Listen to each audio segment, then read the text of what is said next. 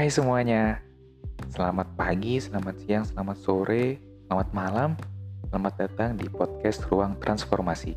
Tempat buat kamu semua berbagi cerita, mendapatkan insight, getting support, dan yang paling penting, take action dari cerita yang udah kamu dengar hari ini. Saya Gemur Putra Akbar, saya adalah seorang dokter dan seorang knowledge broker.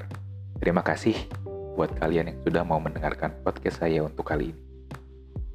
Pernah gak sih kalian bingung sebenarnya kalian tuh mau olahraga apa? Atau mungkin kalian bingung gimana sih cara kalian bisa disiplin dalam berolahraga?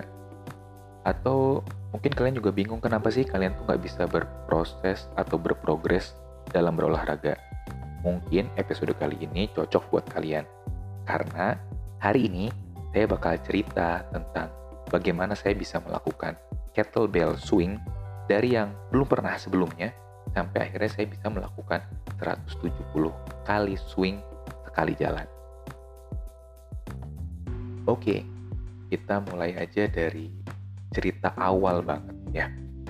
E, kalau teman-teman mau tahu, sebenarnya awalnya saya itu nggak pernah olahraga. Kalau kalian dengar cerita saya yang sebelumnya, pada saat tahun 2009-2010 itu saya nggak fit banget dan saya overweight banget. Saya nggak ada aktivitas fisik sama sekali. Nah, dari situ saya mulai berprogres. Saya mulai olahraga. Tapi sebenarnya olahraga kayak gimana sih yang saya jalanin? Itu sebenarnya kalau kita bilang itu nggak langsung bisa wah gitu. Jadi pertama kali itu saya mulai mencoba lari. Oke.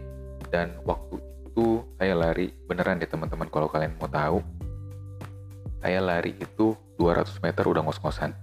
Mungkin ada yang pernah ngerasain. Dan saya langsung lari cepet, hampir kayak sprint. Dan setelah itu saya besoknya dan lusanya itu nggak bisa ngapa-ngapain padahal cuma 200 meter gitu doang gitu jadi udah mah saya uh, maksain. Padahal cuma sedikit tapi ujungnya saya ngerasa capek banget. Dan itu nggak enak banget. Nah sampai akhirnya saya berpikir tuh kayaknya nggak bisa deh kalau misalkan saya berolahraga seperti itu. Karena menurut saya olahraga seharusnya menyenangkan tapi juga memberikan benefit buat kita dalam artian fisik kita jadi lebih bagus gitu jadi waktu itu saya mulai lari di 200 meter itu dengan jalan. Kemudian besoknya saya jalan lebih banyak, lebih banyak dan lebih banyak lagi sampai ke jarak yang saya uh, kendaki waktu itu sekitar hmm, 2 km lah. Nah, begitu saya udah bisa sampai 2 km, baru tuh saya naikin kecepatannya. Dari yang tadinya jalan jadi jalan cepet terus akhirnya jadi lari. Setelah saya bisa saya baru naikin lagi pelan-pelan dari 2 kilo jadi dua setengah kilo jadi 3 kilo sampai akhirnya kalau teman-teman mau tahu waktu itu saya bisa sampai lari 10 kilo dalam satu hari dan itu setiap hari gitu. Nah tapi itu saya lakuin kurang lebih sampai saya selesai internship itu tahun 2017 rasanya. Jadi sekitar 8 tahun tuh saya lari terus tuh. Hampir 10 kilo satu hari. Dan hampir setiap hari. Uh, itu uh, apa ya? Rasanya tuh mengenakan banget gitu. Jadi kayak puas banget karena akhirnya saya bisa lari sampai 10 kilo dan dengan kecepatan yang makin ke sini makin cepat. Nah, tapi setelah itu saya pindah, waktu itu saya PTT di Bintan, dan saya berubah tuh dari mulai uh, dari yang tadinya saya lari, terus akhirnya saya ke angkat beban. Uh, angkat beban juga sama ceritanya uh, karena saya ngerasa waktu itu uh, lari aja nggak cukup. Saya bisa lari saya bisa lari lama saya bisa lari jauh saya bisa lari cepat. Tapi saya ngerasa badan saya masih masih masih ada yang bisa ditingkatkan selain lari gitu. Uh, saya ngerasa walaupun saya bisa lari tapi saya uh, gak bisa ngangkat sesuatu yang berat gitu. Kayak apa sih artinya lari 10 kilo tapi saya masih kurang fit untuk melakukan hal yang lain gitu. Karena yang saya tahu yang saya rasakan begitu saya lari itu saya cuma dapat kardionya aja saya cuma dapat daya tahan tubuh aja tapi bukan kekuatan. Akhirnya saya waktu itu mulai angkat beban juga. Angkat beban saya sekitar satu tahun dan itu startnya uh, dari cuman bar doang yang nggak ada pemberatnya sama sekali sampai akhirnya saya bisa itu total awalnya sekitar cuma 20 kiloan. Sampai akhirnya saya bisa ngangkat beban paling besar deadlift itu 120 kilo apa 130 kilo kalau nggak salah. Itu pun uh, karena saya sudah punya saya pernah belajar uh, untuk memulai sesuatu itu dengan pelan-pelan. Pada saat saya berlari saya mulai dari kecil terus naik naik naik naik naik naik. Sampai saya uh, punya konsep untuk angkat beban seperti itu juga. Nah, tapi habis itu nih teman-teman, mungkin teman-teman ngerasain juga karena negara api menyerang, waktu itu kan mulai COVID ya. Akhirnya setelah COVID itu uh, hotel tempat saya kerja, uh, tempat saya PTT di Bintan itu tutup, jadi saya nggak punya akses untuk nge-gym. Nah, di situ tuh saya mulai bingung. Kayak apa ya olahraga yang bisa saya lakuin saya lari udah pernah saya angkat beban udah pernah. Tapi saya ngerasa itu cukup buang waktu saya. Mungkin teman-teman juga ngerasain sih kayak uh, lari itu bisa sampai satu jam loh. Ya setengah jam sampai satu jam. Terus angkat beban juga bisa sampai ya setengah jam sampai satu jam lah. Yang bisa bahkan lebih sih itu tergantung teman-teman. Cuman kok kayaknya uh, susah ya lama ya kayak nggak efektif gitu waktunya. Karena saya masih ingin bisa melakukan hal yang lain gitu. Ditambah saya juga nggak bisa ada akses untuk angkat beban. Ditambah juga kalau teman-teman tahu pada saat covid uh, kita nggak boleh keluar ya nggak sih? Jadi saya mulai berpikir dan bertanya pada diri saya sendiri apa ya olahraga yang bisa saya lakukan di rumah? Olahraga simple olahraga yang tidak butuh waktu yang banyak dan juga olahraga yang murah. Dalam artian uh, tidak menghabiskan banyak uang. Sebenarnya cuman push up sit up aja bisa. Tapi saya rasa saya punya saya harus ada komitmen lebih daripada itu. Maksudnya harus ada yang saya beli gitu. Kayak kalau lari kan ya mungkin teman-teman ngerasain deh. Kalau misalkan mau mulai lari uh, pasti teman-teman akan beli dulu sepatu larinya, celana larinya, baju larinya. Kalau misalkan teman-teman mau angkat beban, pasti teman-teman akan beli atribut buat angkat bebannya. Atau mau sepedahan, teman-teman juga pasti akan uh, apa beli atribut buat sepedahan. Nah, itu kan sebenarnya salah satu bentuk komitmen teman-teman untuk melakukan olahraga itu kan. Nah, saya juga sama di rumah. Saya ingin punya satu komitmen, satu alat yang saya beli tapi itu bisa benar-benar memberikan uh, benefit yang maksimal gitu. Nah, uh, saya lupa tahun berapa saya pernah baca buku karya Tim Ferris, tapi saya lupa bukunya yang mana antara yang For Our Body atau yang Tools of Titans. Saya lupa, cuman yang pasti di situ uh, salah satu uh, orang yang dia wawancarai itu uh, Pavel Tatsuin kalau nggak salah. Coba dicek aja nanti di Google. Saya nggak terlalu ingat. Uh, cuman dia itu uh, membicarakan tentang kettlebell. Jadi ada satu kata yang dia sampaikan di buku itu yang enak banget buat saya.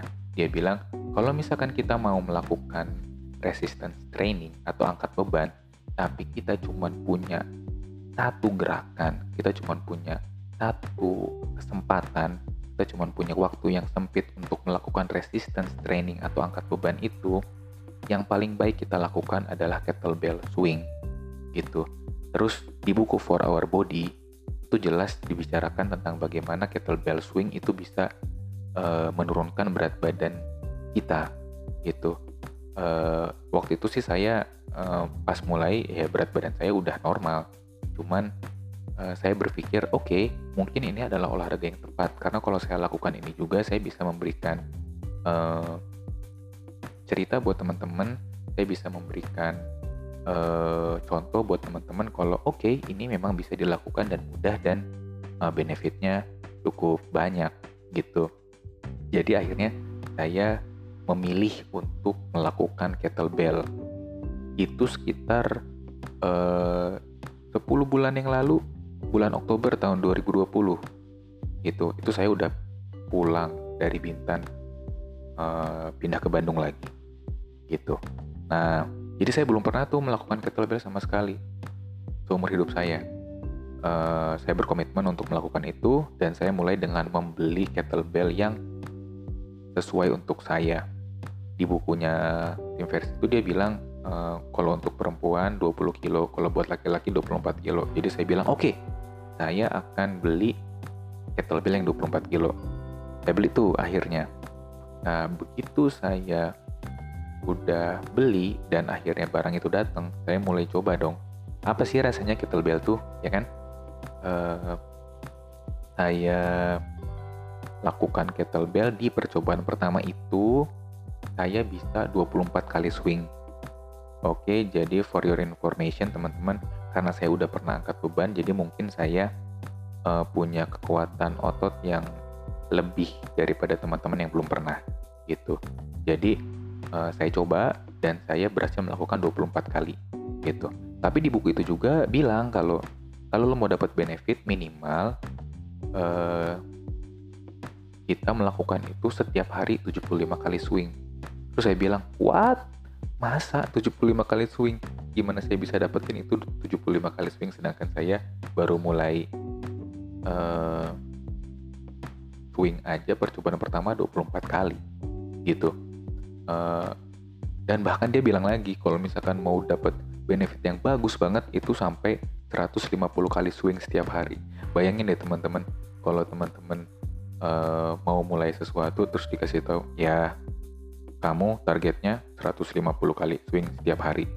Sedangkan pas di tes pertama kali, ah saya baru bisa 24 kali swing. Itu kalau teman-teman uh, ada di posisi itu teman-teman pasti bakal stres. Teman-teman pasti bakal kayaknya gue nggak mungkin deh bisa gitu kan.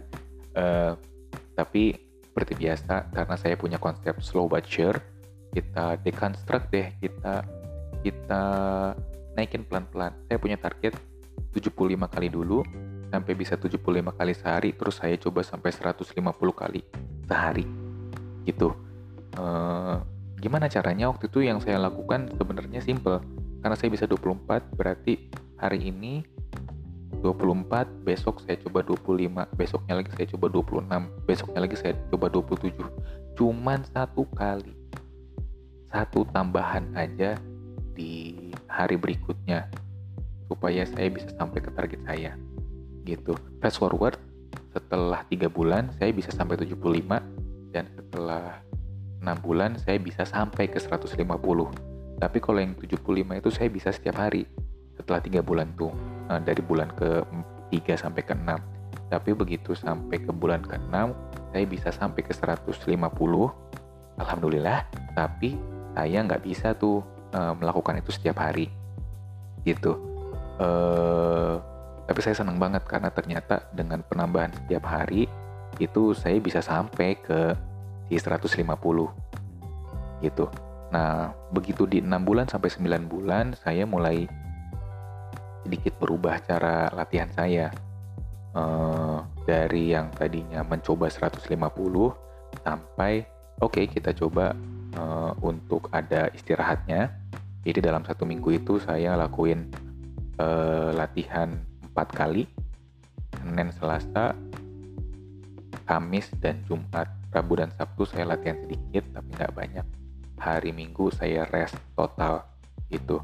Dan dengan cara seperti itu akhirnya uh, saya bisa dalam satu minggu empat kali 150 kali swing bahkan 155 kali swing gitu Dan di akhir minggu yang hari Jumatnya saya bisa sampai 170 kali swing gitu. Dan yang menarik sebenarnya dari uh, kettlebell ini saya cuma butuh waktu 5 menit aja. 5 menit loh. Kayak uh, dari mulai start saya nggak ada pemanasan saya nggak ada apa-apa langsung swing. Di total semua 170 kali swing itu 4 menit hmm, 38 detik. Nanti teman-teman bisa lihat ya uh, apa video yang saya kasih di story saya itu tuh video saya di hari Jumat sekitar jam setengah tujuh kan. Begitu saya bisa nge-swing 170 kali swing yang pertama kali. Nggak deh udah beberapa kali sebenarnya itu tapi yang pertama kali saya shoot buat teman-teman gitu. Jadi eh, rasanya tuh puas banget karena akhirnya saya bisa ngebuktiin kalau ada olahraga yang bikin saya ngerasa kuat dan butuh waktu cuma 5 menit doang gak ngapa-ngapain lagi gak perlu nambah olahraga yang lain kalau emang teman-teman mau nambah ya itu oke okay. uh, eh, tapi uh, ya akhirnya saya bisa ngebuktiin kalau itu tuh memungkinkan untuk dilakukan dan saya akhirnya ngelakuin itu setiap hari, setiap minggu itu dengan proses yang sama sampai sekarang gitu. Uh, itu sih sebenarnya ceritanya dari yang uh, saya ngerasa loyo, yang tadinya nggak bisa lari, even lari cuma 200 meter aja udah ngos-ngosan, sampai sekarang saya bisa bilang saya cukup fit. Saya nggak bilang saya udah maksimal ya tapi saya bilang saya udah cukup fit. Karena saya sudah bisa melakukan 170 kali swing di akhir minggu di mana dalam satu minggu itu at least ada empat kali saya melakukan 155 kali swing dalam waktu yang sangat singkat kurang dari 5 menit gitu apa yang ingin saya sampaikan sebenarnya teman-teman kalau pertama yang perlu teman-teman camkan baik-baik. Olahraga itu bukan rekreasi ya. Olahraga itu sama rekreasi uh, sport recreation itu beda. Kalau misalkan rekreasi teman-teman itu cuman happy-happy doang, misalkan kayak lari sepedahan sama teman-teman, uh, kumpul bareng, jalan lari bareng, sepedaan bareng. Itu kadang teman-teman lupa kalau itu tuh tujuannya untuk happy happy bukan untuk mengolah badan teman-teman. Kenapa saya bilang itu bukan mengolah badan teman-teman? Karena uh, olahraga yang sebenarnya adalah ketika teman-teman punya punya konsep teman-teman punya tujuan dan teman-teman punya progres sedangkan biasanya kalau teman-teman olahraga sama orang-orang yang cuman happy-happy doang, teman-teman lupa untuk berprogres, teman-teman lupa untuk melihat, oke, okay, saya sudah sampai mana dan tujuan saya mau ke mana, gitu. Uh, terus, jadi kalau teman-teman mau olahraga, pikirkan baik-baik.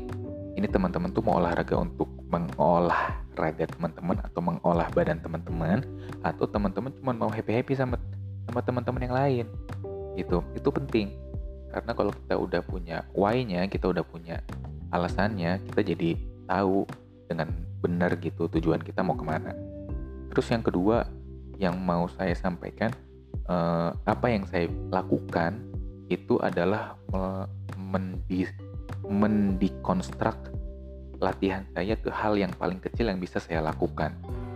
Contoh pada saat saya lari, yang tadinya saya cuma bisa 200 meter, walaupun tujuan saya 10 km dalam satu hari, tapi saya mulainya eh, gimana caranya di hari itu saya bisa melakukan itu gitu. Saya bisa 200 meter, oke. Okay.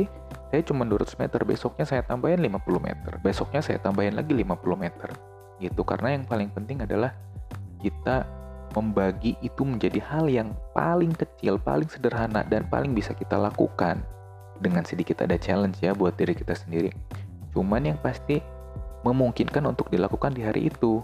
Jadi di long termnya, di jangka panjangnya teman-teman bisa sampai ke tujuan teman-teman. Dan itu bukan cuma olahraga aja ya sebenarnya di seluruh lini kehidupan teman-teman, teman-teman bisa mengaplikasikan itu. Tapi karena saat ini saya bilang soal olahraga, jadi ya kita ceritanya olahraga dulu gitu.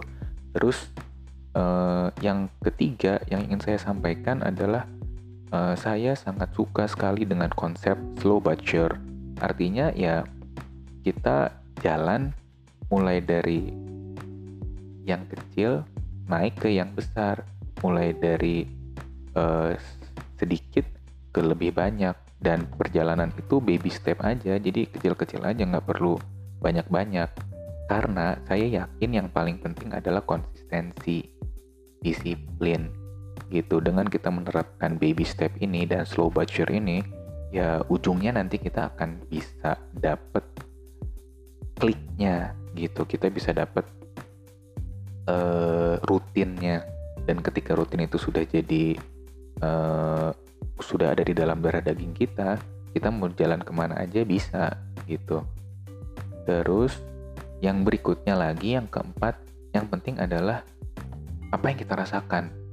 Karena seperti yang tadi saya bilang, olahraga itu rasanya itu bukan untuk kita ngerasa capek, tapi justru kita ngerasa energik gitu. Kita ngerasa kita bisa melawan badan kita yang tadinya senilai X atau selemah X, hari itu kita bisa lebih daripada badan kita yang kemarin jadi kita ngerasa powerful gitu. Dan ketika sudah menyelesaikan olahraga itu, kita bisa bilang, oke, okay, saya berenergi, saya uh, bisa melakukan hal-hal yang lain yang lebih baik daripada hal yang saya lakukan sebelumnya karena saya pun bisa mengalahkan badan saya di hari sebelumnya. Bayang gak sih?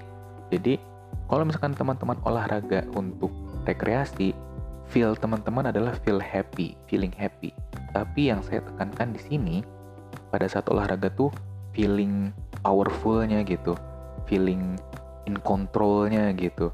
Karena kalau misalkan teman-teman ngerasa feel powerful and in control itu akan ngebantu banget buat hal-hal yang lainnya untuk teman-teman gitu. Jadi janganlah teman-teman olahraga berpikir saya harus capek saya harus sampai maksimal karena menurut saya ada waktunya teman-teman harus melakukan itu sampai maksimal tapi bukan setiap hari gitu.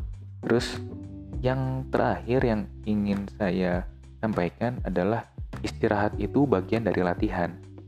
Kenapa saya bilang gitu? Karena eh, kalau teman-teman mau olahraga terus-terusan, tapi teman-teman melakukan itu dengan maksimal setiap hari, nanti teman-teman akan crash. Bisa body teman-teman yang crash, jadi nggak kuat ngelakuin uh, menu yang sama di akhir tiga bulan atau bisa juga mental teman-teman yang crash artinya teman-teman badan masih kuat tapi uh, rasanya udah nggak punya will untuk bisa melakukan itu lagi gitu. Karena pada saat start juga teman-teman udah ngerasa capek ngerasa ya bukan badannya beneran capek tapi ngerasa capek doang gitu nah uh, dengan adanya istirahat teman-teman bisa ngasih waktu buat badan dan mental teman-teman untuk siap di latihan yang berikutnya. Makanya, walaupun saya sebenarnya bisa melakukan 155 kali swing setiap hari, akhirnya saya memberikan waktu buat badan saya istirahat di hari Rabu dan hari Sabtu dan Minggu. Tapi Rabu dan Sabtu saya masih ada latihan tapi gak terlalu berat kayak cuma 15 kali swing. Itu yang penting tetap ada feel-nya kalau hari itu saya bisa melakukan sesuatu untuk badan saya gitu oke okay.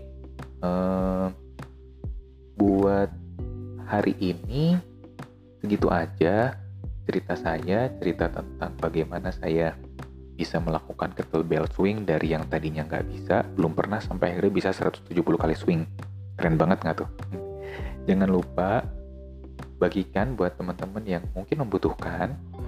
Kontak saya kalau misalkan kalian penasaran atau ingin terjun lebih dalam di dunia kettlebell atau di dunia fitness atau di dunia kebugaran. Buat kamu atau teman-teman kamu yang memang punya cerita yang ingin kalian bagikan untuk bisa membantu orang yang lain di dalam kehidupannya terlepas dari latar belakang kalian atau pendidikan kalian ataupun pekerjaan kalian. Dan kalian juga bingung mau cari tempat di mana kalian bisa untuk meluapkan kelebihan kalian, kemampuan kalian di tempat yang tepat, saya bersedia membantu. kalian bisa kontak saya. Kita bisa membentuk ruang yang sesuai untuk kelebihanmu dan ceritamu dan juga untuk membagikannya ke orang yang betul-betul membutuhkan dan peduli. Karena saya percaya semua orang itu punya pelajaran di dalam cerita hidupnya yang pastinya bisa membantu orang lain ke arah yang lebih baik dan membantu dunia ini menjadi dunia yang lebih baik. Tapi kalau teman-teman tidak menceritakan itu, tidak membagikan itu pada orang yang tepat, percuma aja semua pengalaman yang teman-teman rasakan sampai saat ini. Ya nggak? Oke, jangan lupa untuk follow podcast saya, podcast Ruang Transformasi untuk episode-episode berikutnya. Follow Instagram dan Facebook saya, namanya juga sama, Ruang Transformasi. Terima kasih buat teman-teman yang udah mau dengerin podcast kali ini. Ini podcast ketiga saya. Maaf kalau masih balelol.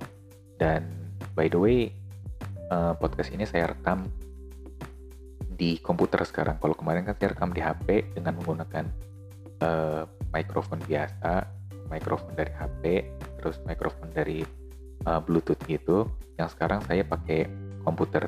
Gimana menurut teman-teman? suara saya lebih jelas nggak? Lebih bagus nggak? Apa sih yang kurang? Apa sih yang bisa diperbaiki? Apa sih yang bisa membuat kalian lebih nyaman ketika ngedengerinnya? Kalian boleh kasih masukan ke DM saya ataupun ke Facebook saya. Oke? Sampai jumpa lagi di episode-episode berikutnya.